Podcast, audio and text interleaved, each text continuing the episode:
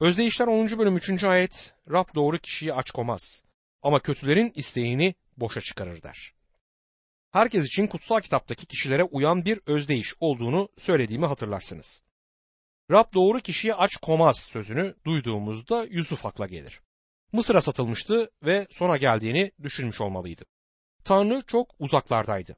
Buna karşın Tanrı'ya imanı vardı. Tanrı onu terk etmedi. Tanrı durumu öyle düzenledi ki sonunda hapisten çıktı ve Mısır diyarının başbakanı yapıldı. Özdeyişler 10. bölüm 4. ayette tembel eller insanı yoksullaştırır. Çalışkan el zengin eder der. İnsanlar arasında ne kadar büyük bir fark var. Bazı harikulade Hristiyanlar çok cömert, diğerleri ise çok cimridir. Cimri kişinin her zaman sinirli olması da ilginçtir. Buna karşın cömert kişi hayat doludur. Sizce bu ayet İbrahim'e uyuyor mu? İbrahim cömert bir adamdı. Yeğeni Lut'a diyarın istediğin kısmını al, ben de geri kalan tarafını alırım demişti.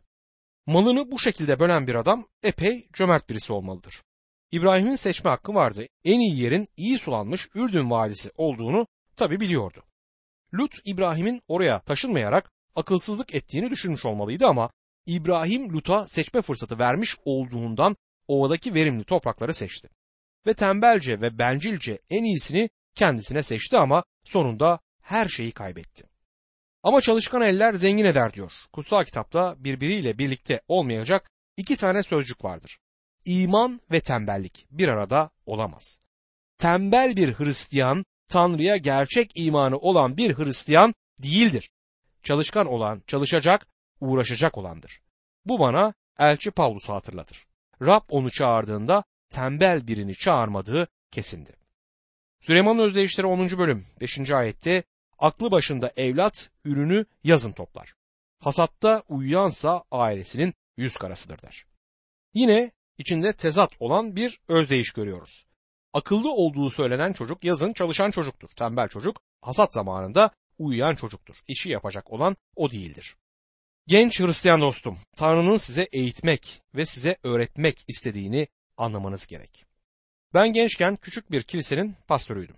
Kendimi tatmin edilmiş hissetmiyordum. Tanrı için orada yapmakta olduğumdan daha fazlasını yapmak istiyordum. Beni ilahiyat öğrenmeye ve kutsal kitabı etüt etmeye zaman ayırmaya teşvik eden harika bir karım var.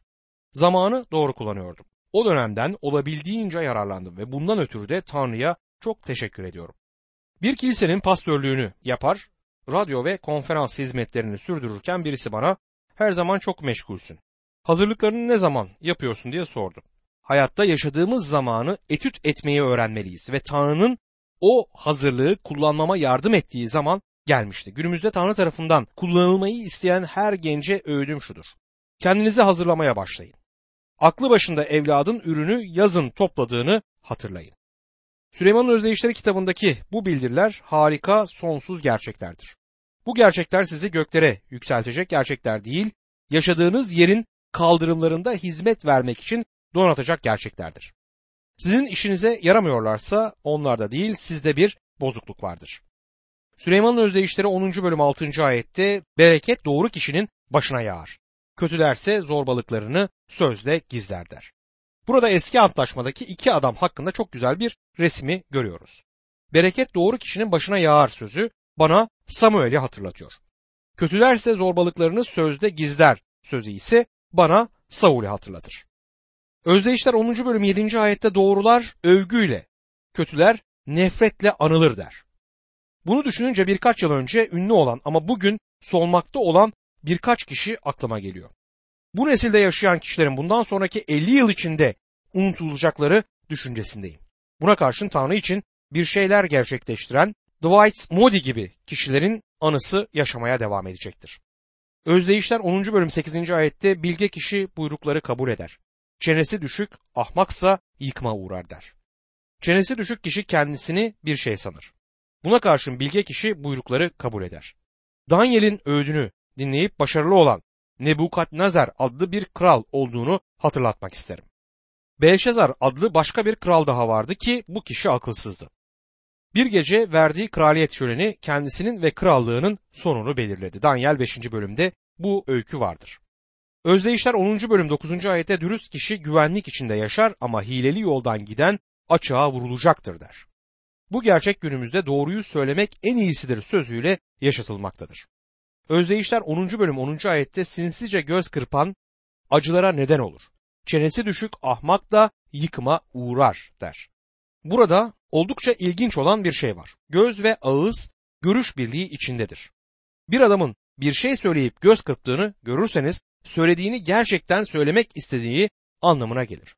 Ağzıyla kafasıyla görüş birliği içinde değildir. Görüş birliği içinde olmadıklarında bu büyük ölçüde acıya neden olacaktır.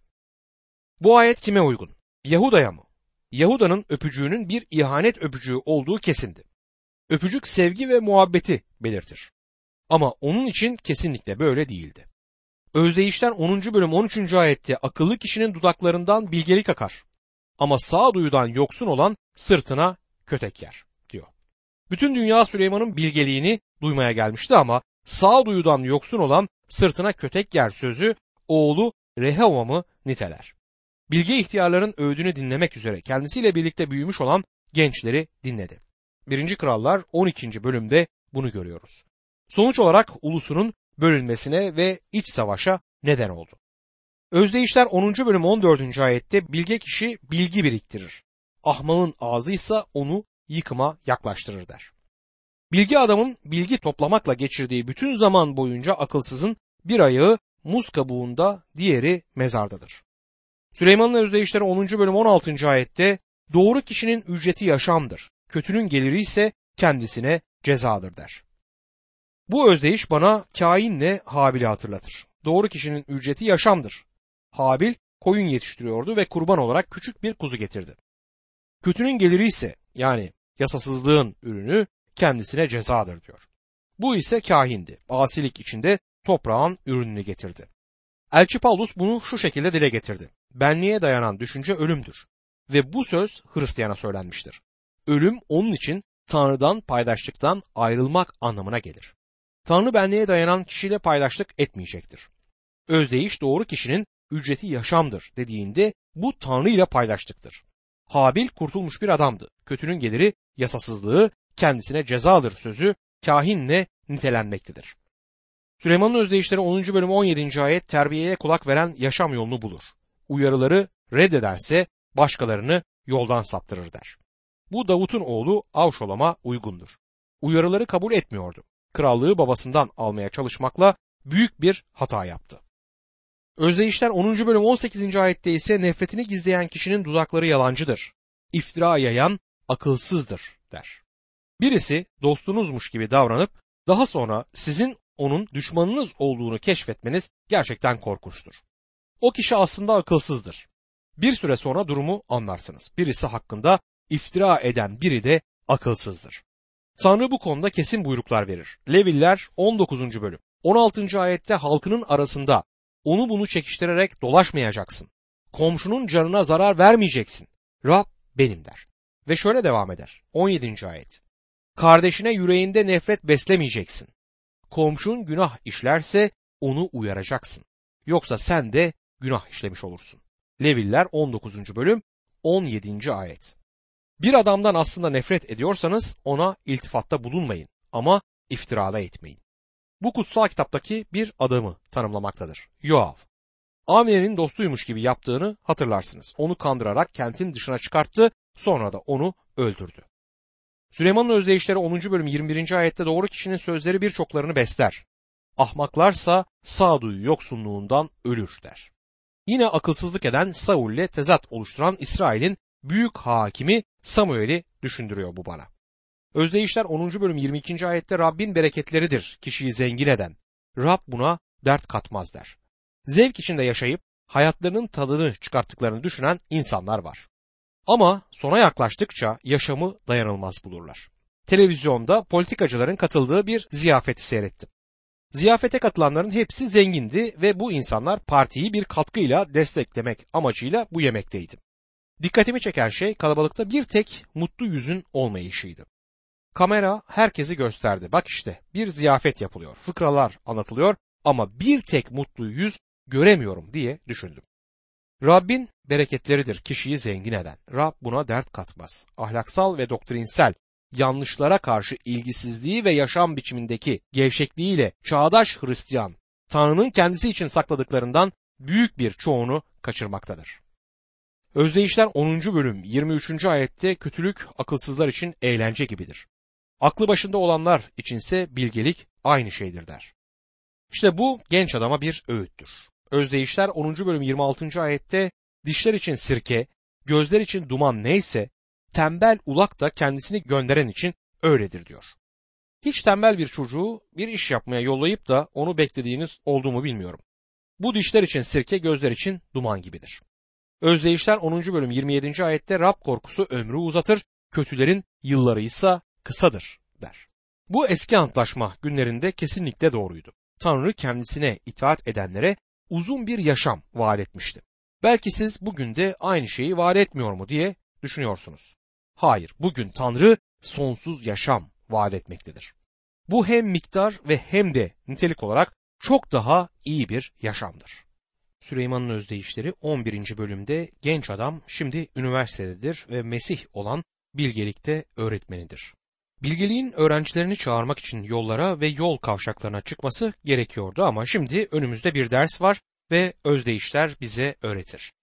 Bu özdeyişlerin edebi biçimi çoğunlukla mısralar halindedir. Mısranın iki cümleciği genelde adına paralelizm denilen biçimiyle birbiriyle bağlantılıdır. İbrani şiiri bir düşünceyi tekrar ederek ya da tezatlayarak gerçekleştirilir.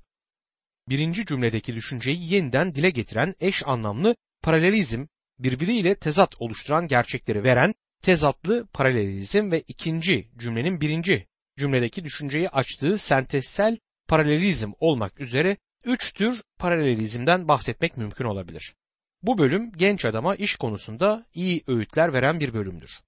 Süleyman'ın özdeyişleri 11. bölüm 1. ayet şöyle der. Rab hileli teraziden iğrenir. Hilesiz tartıdansa hoşnut kalır. Tanrı iş hayatında sizinle beraber olabilir. Onu kendinize ortak edebilirsiniz. Ancak eğer dürüst değilseniz onunla ortaklığa giremezsiniz. Eğer dürüstseniz sizin ortağınız olmayı isteyecektir. Hristiyan iş adamının dürüst, güvenilir biri olması gerekir. Bu harika Hristiyan iş adamlarından çok sayıda olmasından ötürü minnettarım. Böyle bir adamı tanıma fırsatım oldu. Onu iyi tanıyan biri bana bu adamın her yerde dürüstlüğü ve namusluluğuyla tanındığını söyleyince çok memnun oldum. Ve bu adam başarılı bir iş adamıdır. Hala böyle adamlar olduğunu görmek harikadır. Özdeyişler 11. bölüm 2. ayette küstahlığın ardından utanç gelir. Ama bilgelik alçak gönüllülerdedir der. Bir başka sürekli ortaya çıkan günah gururdur. Burada üniversitedeki ilk yılında genç adam hemen gurur konusunda uyarılmaktadır. Bu özdeyiş gururla alçak gönüllülüğü kıyaslar. Gururla birlikte her zaman utanç gelir. Kutsal kitapta özellikle bu Süleyman'ın özdeyişleri kitabında gurur konusunda çok şey söylenmektedir. Özdeyişler 11. bölüm 3. ayette erdemlinin dürüstlüğü ona yol gösterir. Hainin yalancılığı ise yıkıma götürür der. Bunun anlamı basitçe eğer bir insan gerçekte yürümek istiyorsa, yüreğinin arzusu buysa Tanrı'nın ruhunun kendisine yol göstermesine ve kılavuzluk etmesine güvenebileceğidir. Tezat şudur. Hainin yalancılığıysa yıkıma götürür. Geçen akşam okula giderken benim de sorunum olan para konusunda sorunlar yaşayan bir gençle konuştum. Bana Tanrı'nın isteğini nasıl bilebiliyoruz? Hangi yolda gitmemiz gerektiğini nasıl bilebiliriz diye sordu.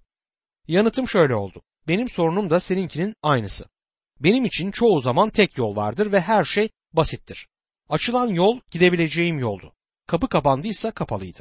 Eğer okula gidecek param yoksa okula gitmem. Ama Rab her zaman okula gidebilmem için bir kapı açıyordu. Bu tekrar tekrar başıma geldi ve ben bunu her zaman Rab'den açık bir kapı olarak yorumladım. Ben Tanrı'ya ciddi olduğunuzu gösterdiğinizde onun bir kapı açacağına inanıyorum. Benim deneyimim bu olmuştur. Özdeyişler 11. bölüm 4. ayette gazap günü servet işe yaramaz. Oysa doğruluk ölümden kurtarır der. Bu size Rabbin zengin adam ve Lazar adlı dilenci hakkında anlattıklarını sanırım hatırlatmaktadır. Her ikisi de öldü. Zengin adamın zenginlikleri gazap gününde ona hiçbir fayda sağlamadı. Ama doğruluk dilenciyi kurtardı. Onu derhal İbrahim'in yanına götürdü. Zenginliklerine güvenenler öncelik verdikleri olayları şaşırmışlardır. Zenginliğin hiçbir kötü yanı yoktur ama sınırları olduğunu kabul etmeliyiz. Para bu dünyada hemen hemen her şeyi satın alabilir ama bir sonraki dünyaya hiçbir şey satın alamaz. Özdeyişler 11. bölüm 5 ve 6. ayetlerde dürüst insanın doğruluğu onun yolunu düzler. Kötü kişi ise kötülüğü yüzünden yıkılıp düşer. Erdemlinin doğruluğu onu kurtarır ama haini kendi hırsı ele verir der. Kötü kişi sözünü yasasız olarak çevirirsek bizim için belki çok daha anlamlı olacaktır. Özdeyişler 11. bölüm 7 ve 8. ayetlerde ise kötü kişi öldüğünde umutları yok olur. Güvendiği güç de biter. Doğru kişi sıkıntıdan kurtulur. Onun yerine sıkıntıyı kötü kişi çeker yazıyor. Kötü kişi öldüğünde umutları yok olur, güvendiği güç de biter. Bu size Ester kitabındaki Haman'ı hatırlatmalıdır. Ve doğru kişi Mordekay sıkıntıdan kurtarılmıştı. Özdeyişler 11. bölüm 9. ayette Tanrısız kişi başkalarını ağzıyla yıkıma götürür. Oysa doğrular bilgi sayesinde kurtulur der. Burada tanrısız olarak geçen iki yüzlü sözcüğü karşılık veren anlamına gelen iki Yunanca sözcükten gelir. İki yüzlü karşılık veren kişidir ve bu sözcük Yunan tiyatrosunda aktörler için kullanılır. Bir aktör diğer aktöre sufle verdiğinde diğeri kendi parçasını söyleme vakti geldiğini bilirdi. Burada rol yaparlardı. Birisinin dinle ilgili konularda iki yüzlü olması onun sahtekar olduğu anlamına gelir. Bu adam içtenlikten uzak bir şekilde haleluya Rabbe övgüler olsun diyecektir. Sadece bir rol yapar. Yüreğinde Rabbe şükretmemektedir. İki yüzlü kişi başkalarını ağzıyla yıkıma götürür. Sizin dostunuzmuş gibi yapar ama kendi hayatındaki günahı kapatma çabasında arkanızdan sanki bir bıçak saplar. Kutsal kitapta bu bağlamda kimi düşünebiliriz? Potifar'ın karısı. Yusuf'a attığı iftiralarla bu duruma bir örnektir. Kendi günahını saklamak için Yusuf'a iftira attı. Suçlu olan oydu ama Yusuf'u suçlayarak bunu sakladı. Firavun'un büyük bir yetkilisinin söylediklerini yalanlayan bir kölenin sözüne kim inanırdı? Yusuf'un ağzını açmasına bile gerek yoktu çünkü kendisini savunma şansına sahip değildi. Ne yazık ki bazen kilisede de kendini korumak için korkunç şeyler söyleyecek iki yüzlü insanlar bulunabilir. Vaizin yüzüne gülüp de arkasından onu eleştiren kişiden her zaman korkmuşumdur. Her zaman bu tür birine karşı dikkatli olmak gerektiğini düşünüyorum. Kendi yaşamındaki bir şeyi saklamaktadır. Zaman bana bu değerlendirmemde sık sık haklı olduğumu gösterdi. Bu özdeyiş bu tür bir ikiyüzlülükten söz eder. Özdeyişler 11. bölüm 10 ve 11. ayetlerde doğruların başarısına kent bayram eder. Kötülerin ölümüne sevinç çığlıkları atılır. Dürüstlerin kutsamasıyla kent gelişir ama kötülerin ağzı kenti yerle bir eder der. Ben bu özdeyişlerin yanına Davut ve Saul'i de koyuyorum. Davut İsrail kralı iken Yeruşalim büyük bir kent haline geldi. Kral Saul öldüğünde onun için fazlaca yas tutulmadı. Özdeyişler 11. bölüm 12. ayette başkasını küçük gören sağduyudan yoksundur. Akıllı kişi ise dilini tutar der. Ben Davut'un bu özdeyişe de bir örnek olduğunu düşünüyorum. Davut'un hayatının Süleyman'ın yaşamındaki büyük etkisini hiç düşündünüz mü? Davut Süleyman'ın annesi Betşeva ile günah işlediği halde Davut'un yaşamı o leke hariç harika bir yaşamdı. Avşolom kendisine karşı isyan edince Davut kentten kaçmak zorunda kaldığında Saul'ün ailesinden olan Şime'nin onu lanetlediğini hatırlarsınız. Davut'un komutanı Yao gidip mızrağını ona saplamak istemişti. Davut, hayır, o yüreğinde olanı söylüyor. Bu Tanrı'nın benim üzerimdeki yargısıdır dedi. Akıllı kişi dilini tutar diyor özdeyişler. İnsanların sizi lanetlediği, karakterinize leke sürmeye çalıştığı zamanlar olacaktır. Sessiz kalın. Rab Davut'la olan bu durumun icabına baktığı gibi bunun da üstesinden gelecektir. Bu kitapta muhteşem ilkeler var. Bunlar gençlerin etüt etmeleri için iyi ilkelerdir. Günümüzde gençler arasında gerçek bir ruhsal hareket gerçekleşiyor gibi durur. Onların Süleyman'ın Özdeyişleri kitabını etüt ettiklerini görmek isterim. Bu onları Mesih'e getirecektir. Çünkü bilgelik okulunu işleten odur ve bizler için bilgelik kılınmıştır. Süleyman'ın özdeyişleri gençlere oldukça fazla sağduyuyu sağlar. Bana günümüzde sağduyu eksikliği varmış gibi görünmüyor. Oldukça yüksek IQ ama oldukça düşük sağduyu oranlarımız olduğunu görüyorum. Özdeyişler 11. bölüm 13. ayette dedikoducu sır saklayamaz. Oysa güvenilir insan sırdaş olur der. Dedikoducu başka birini incitmek için bir şey söyleyen birisidir. Bazen söylediği şey doğrudur ama yine de onu başkalarına söylememesi gerekmektedir. Bir kardeşin günah işlediğini biliyorsa ona şahsen gidip olayı özel olarak ele almalıdır. Gidip herkese durumu anlatmamalıdır. Özdeyişler 11. bölüm 14. ayette yol göstereni olmayan ulus düşer. Danışmanı bol olan zafere gider der. Bunun belki de daha anlaşılabilir bir çevirisi şöyle olabilir. Yönetim olmadığında insanlar düşerler ama danışmanlığın çokluğunda güvenlik vardır. Ne kadar akıllı olursanız olun iyi öğüde ihtiyacınız olacaktır. Tanrı'nın Daniel'i Nebukadnezer'e danışman olarak verdiğini hatırlatmak isterim. Daniel krala çok yardım etti. Daniel aynı zamanda Koreş'e de danışmanlık etmiş ve ona büyük yardımı dokunmuştu. Özdeyişler 11. bölüm 15. ayette yabancıya kefil olan mutlaka zarar görür. Kefaletten kaçınan güvenlik içinde yaşar diyor.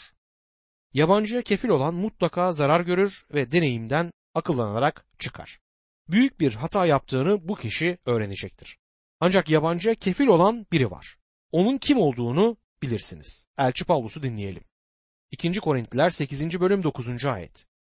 Rabbimiz İsa Mesih'in lütfunu bilirsiniz. Onun yoksulluğuyla siz zengin olasınız diye zengin olduğu halde sizin uğrunuza yoksul oldu. Sizin ve benim günah borcumuzu üzerine aldı. Korkunç cezayı ödemesi gerekiyordu. Yaşadıkları 69. mezmur 4. ayette peygambersel olarak tanımlanır. 69. mezmur 4. ayette şöyle der. Yok yere benden nefret edenler saçlarımdan daha çok. Kalabalıktır canıma kasteden haksız düşmanlarım. Çalmadığım malı nasıl geri verebilirim? Ve yine Yaşaya 53. bölüm 7. ayette o baskı görüp eziyet çektiyse de ağzını açmadı. Kesime götürülen kuzu gibi, kırkıcıların önünde sessizce duran koyun gibi açmadı ağzını diyor. Ceza verildi ve cezayı üzerine alan o oldu. Günahın bedeli ölüm olduğunda ve benim bunu ödemem gerektiğinde Mesih onu benim için ödedi. Bu harikadır. Ağacın üzerinde benim cezamı çekti. Şimdi hem kefil ve hem de günahlı özgürdür. Bir anlamda benim yerimi aldı. Süleyman'ın özdeyişleri 11. bölüm 6. ayette erdemlinin doğruluğu onu kurtarır. Ama haini kendi hırsı ele verir der. Bu bana Rut kitabındaki Rut'u hatırlatır. Duldu, fakirdi ve kadındı. Buna karşın onurunu korudu ve Boaz ona Rut 3. bölüm 11. ayette bütün kent halkı senin erdemli bir kadın olduğunu biliyor dedi. Bütün Beytlehem kenti onu tanıyordu. Karşı cinsle olan ilişkisinde onurunu korumakla kalmamış, onurunu her bakımdan korumuştu. İkinci kızım Boaz'a uyarlanabilir ve kuvvetli adam servetini korur. Özdeyişler 11. bölüm 18 ila 21. ayetler arasında kötü kişinin kazancı aldatıcıdır. Doğruluk ekenin ödülü ise güvenlidir. Yürekten doğru olan yaşama kavuşur. Kötülüğün ardından giden ölümünü hazırlar. Rab sapık yürekliden iğrenir. Dürüst yaşayandan hoşnut kalır. Bilin ki kötü kişi cezasız kalmaz. Doğruların soyuysa kurtulur diyor. Burada günahla doğruluk arasında büyük bir tezat görülmektedir. Yalancılık ve yasasızlık yargılanacaktır. Bundan kurtuluş yok. Ve inanlının sahip olduğu doğruluk Mesih'in doğruluğudur. Bizler buna sahip olduğumuzdan ötürü yargılanmayacağız. Çünkü ölümden yaşama geçtik. Şimdi çok güzel bir özdeyişle karşılaşıyoruz. Özdeyişler 11. bölüm 22. ayet. Sağduyudan yoksun kadının güzelliği domuzun burnundaki altın halkaya benzer der. Hiç burnuna altın halka takılan bir domuz gördünüz mü bilmiyorum ama eğer görmek isterseniz Hollywood'a bakın. Sağduyudan yoksun birçok güzel kadın var. Özdeyişler 11. bölüm 23. ayette doğruların isteği hep iyilikle sonuçlanır. Kötülerin umutları ise gazapla der. Huzur ve sevince sahip olmanın tek yolu Mesih'le doğru bir ilişki içerisinde olmaktır. Süleyman'ın özdeyişleri 11. bölüm 24 ve 25. ayetlerde eli açık olan daha çok kazanır. Hak yiyenin sonuysa yoksulluktur. Cömert olan bolluğa erecek. Başkasına su verene su verilecekler. Bu bir paradokstur. Bunyan bunu şu şekilde dile getirir. Bir adam vardı. Bazıları onun deli olduğunu düşündükleri halde ne kadar çok verdiyse o kadar fazlasına sahip oluyordu. Varlığını fakirlere veren on kat fazlasına sahip olacaktır. Rab az eken az biçer, çok eken çok biçer demiştir. Genel ilke budur. Rabbin işine vermeye de uyduğu kesindir.